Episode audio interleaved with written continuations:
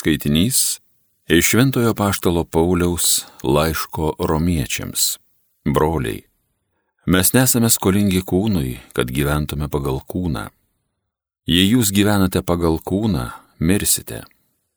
Bet jei dvasia marinate kūniškus darbus, gyvensite. Visi, kurie vadovaujasi Dievo dvasia, yra Dievo vaikai. Jūsgi esate gavę nevergystės dvasę, kad ir vėl turėtumėte bijoti bet gavote įsūnystės dvasę, kurioje šaukiame Aba tėve. Ir pati dvasia liudyja mūsų dvasiai, kad esame Dievo vaikai. O jei esame vaikai, tai ir įpėdiniai. Mes Dievo įpėdiniai ir Kristaus bendra įpėdiniai. Jeigu su juo kenčiame, kad su juo būtume pagerbti. Tai Dievo žodis.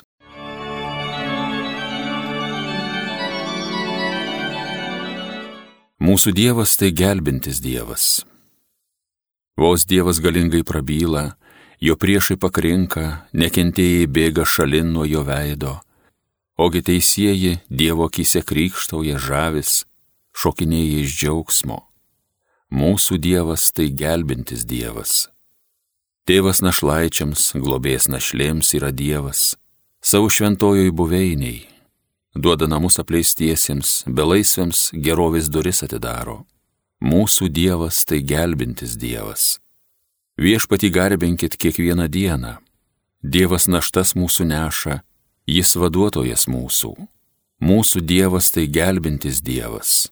Padeda iš giltinės viešpats Dievas ištrūkti. Mūsų Dievas tai gelbintis Dievas.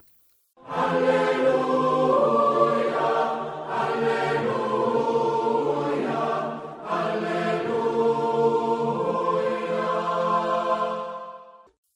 Tavo žodis viešpatie yra tiesa, pašventink mus tiesa.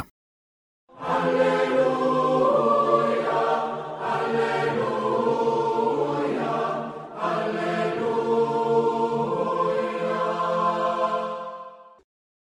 Viešpats su jumis. Pasiklausykite Šventojios Evangelijos pagal Luką.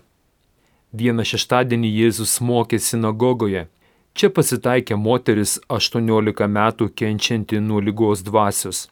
Ji buvo sutraukta ir visiškai negalėjo įsitiesti. Jėzus pamatęs pasišaukė ją ir tarė, Moterie, esi išvaduota iš savo lygos. Jis uždėjo ant jos rankas, toji bematant atsitėsi ir ėmė šlovinti Dievą. Tada sinagogos vyresnysis supykęs, kad Jėzus gydė šeštadienį, pasakė miniai, Dirbamos yra šešios dienos, ateikite jomis ir gydykitės, o ne šeštadienį. Viešpats jam atsakė, veidmainiai, argi kas iš jūsų netriša šeštadienį nuo ėdžių savo jaučio ar asilo ir nenuveda pagirdyti, argi šios Abromo dukters, kurią šetonas laikė sukaustęs jau 18 metų, nereikėjo išvaduoti iš pančių šeštadienį. Jam tai bekalbant visi jo priešai susigėdo, o visa minė džiaugiasi jo šlovingais darbais. Girdėjote viešpaties žodį.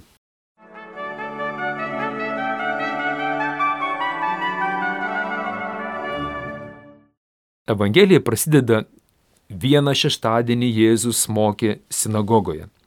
Kai skaitome Bibliją, terminas vienas šeštadienis, vienas žmogus, vienas karalius ir panašiai reiškia laiką, vietą, dabar šiuo metu ir tą asmenį, kuris šį tekstą skaito ar girdi. Taigi vienas šeštadienis tai šiandien, tiesiog dabar. Čia vietoje, kur esu, Jėzus mane moko, moko kažko svarbaus. Šeštadienis hebrajų kalboje šabat, žydų biblinėme mąstyme reiškia septintoji savaitės diena kurioje Dievas gėrisi, mėgaujasi savo kūrybą ir ilsisi, nes visa, ką sukūrė per šešias dienas, yra labai gera ir gražu. Padarykim nedidelę vaizduotės pauzę ir pabandykime prisiminti, kada paskutinį kartą galėjau taip dieviškai palsėti. Sėdžiu savo mieloje kūrybos erdvėje, dairausi 360 laipsnių spinduliu ir negaliu atsigerėti. Viską, ką buvau suplanavęs, svajojęs, puoselėjęs, pagaliau baigta. Viskas veikia, juda, vyksta tobulai. Galiu ramiai užmerkti akis ir pilnai ilsėtis harmonijoje. Groja graži muzika, ekrano užsklanda su užrašu Taip jis ilgai ir laimingai ilsėjosi. Stop kadras, grįžtame į realybę. Dievo polisis buvo drastiškai sutrikdytas, žmogus nusidėjo ir ėmė greuti Dievo tvarką. Mūsų scenoje matome įslenkančią moterį, kuri 18 metų jau sulenkta ir sutraukta nuo lygos dvasios. Ji, Izraelio dukra, visiškai negali išsitiesti ir labai kenčia. Dangaus tėvas negali ramiai ilsėtis, matydamas, kaip kenčia jo mylimi vaikai. Dabar pats Dievas pasilenkė, susitraukė iki žmogaus pavydalo, tapdamas vienu iš mūsų, kad ši moteris, kaip žmonijos simbolis, kenčianti tūkstančius metų nuo lygos dvasios, nuodėmės, būtų išgydyta, išgelbėta, galėtų atsitiesti ir vėl blaiviai mąstyti Dievo šlovę, galėtų šlovinti Dievą dalyvauti Dievo polisio laimėje. Dejurės teisiškai žmonija yra išgelbėta per Dievo Sūnaus Jėzus Kristaus mirti prisikelimą, belieka užbaigti Jėzaus pradėtą gelbėjimo operaciją ir atvesti visą kūrinyje į de facto statusą. Lengva pasakyti, netaip lengva padaryti. Ko gero neįsisuksime, teks kiekvienam įdėti savo prakaito ir kraujo, kad būtų pasiektas norimas rezultatas. Moters išgydymas vyksta sinagogoje, kur skelbiamas aiškinamas įstatymas. Paradoksas. Įstatymas neišlaisina, neatreša, bet atvirkščiai - suriša ir ėmina. Įstatymas skelbia nurodo į padarytą trūkumą nusikaltimą ir jį baudžia. Todėl žydų ir apskritai žmonių įstatymai neišsprendžia visuomenės paralyžiaus problemos, bet tik ją įvardina. Pirmoji pamoka. Jokie žmonių įstatymai nesprendžia žmogaus įkalinimo nuodėmėje problemos.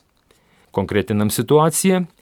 Jokie ES, jungtinių tautų, organizacijų, tolerancijų, laisvių, teisingumo įstatymai neįspręs nusidėjusio žmogaus problemos. Žmonių įstatymai tik dar labiau sulenkė tą vargšę moterį prie žemės, neleisdami jai pakelti akių dangų į Dievą. Dabartinė laisvė, demokratija be Dievo baigė prispausti mus visiškai prie žemiškų, grinai kūniškų, net gyvuliškų instinktų, tiesiog drastiškai buldozeriu naikindami tai, kas mumise yra dieviško ir švento. Tokio iškrypimo Europoje ir Lietuvoje nėra buvę nuo pat pagonybės laikų. Moteris tos lygos dvasios buvo prilenkta prie žemės. Žemyn į tai, kas oriam laisviam žmogui krikščioniui yra žema. Didesnio moters, vaiko, vyro, šeimos pažeminimo, kurį dabar bruka dabartiniai pasaulio įstatymai su ES, jungtinėmis tautomis, Tie teisingumo sergytojai šio amžiaus civilizacijai nepadeda, bet atvirkščiai ją žemina ir greuna. Moters žmonijos neįgalumo problemą sprendžia Jėzus savo atleidimo žodžiu. Tave išrušiu, esi išvaduota iš savo lygos. Žmogaus sugėdimo pažeidžiamumo priežastis, kaip jau girdėjome, yra nuodėmė. Kitoje vietoje Jėzus paralyžiuotam vyrui ištarė, tavo nuodėmės yra atleistos. Čia pat Jėzus nurodo, kas laikė tą moterį sukaustęs tiek metų. Atsakymas - šetonas. Antroji pamoka. Jeigu žmogus laisvinamas be Jėzaus kryžiaus, jis nėra išlaisvinamas. Geriausiu atveju mokslas ir medicina žmogui laikinai sumažina skausmą, pratęsia gyvenimą metelius du bet galiausiai nesunaikinta nuodėmė, o per nuodėmę žmogų sukaustęs šetonas sunaikins to žmogaus tiek kūną, tiek ir sielą. Su liūdėsiu tenka pripažinti faktą, kad informacijos ir žinių gausa nepagerino bet išputė mokslo ir technologijų visagalybės burbulą. Kaip e, rašo apaštalos Paulius laiškė romiečiams 1 skiri 22 eilutė, girdamiesi esą išmintingi be dievų tapo kvaili. Mūsų Evangelijos Luko 13 skyrius 17 eilutėje toliau skaitom. Jam taip kalbant visi Jėzaus priešai susigėdo. Trečioji pamoka. Šiandienis pasaulis ir jo galingieji sąmoningai ar nesąmoningai apsisprendė ištrinti Jėzaus ir apskritai Dievo vardą, Dievo tvarką iš savo įstatymų.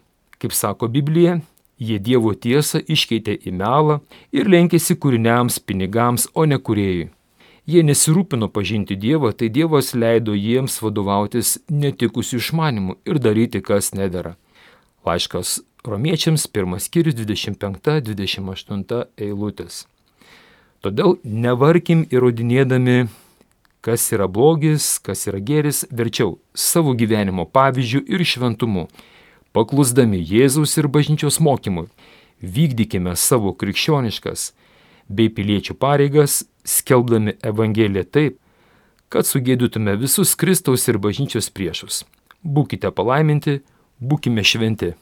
Sudėjau.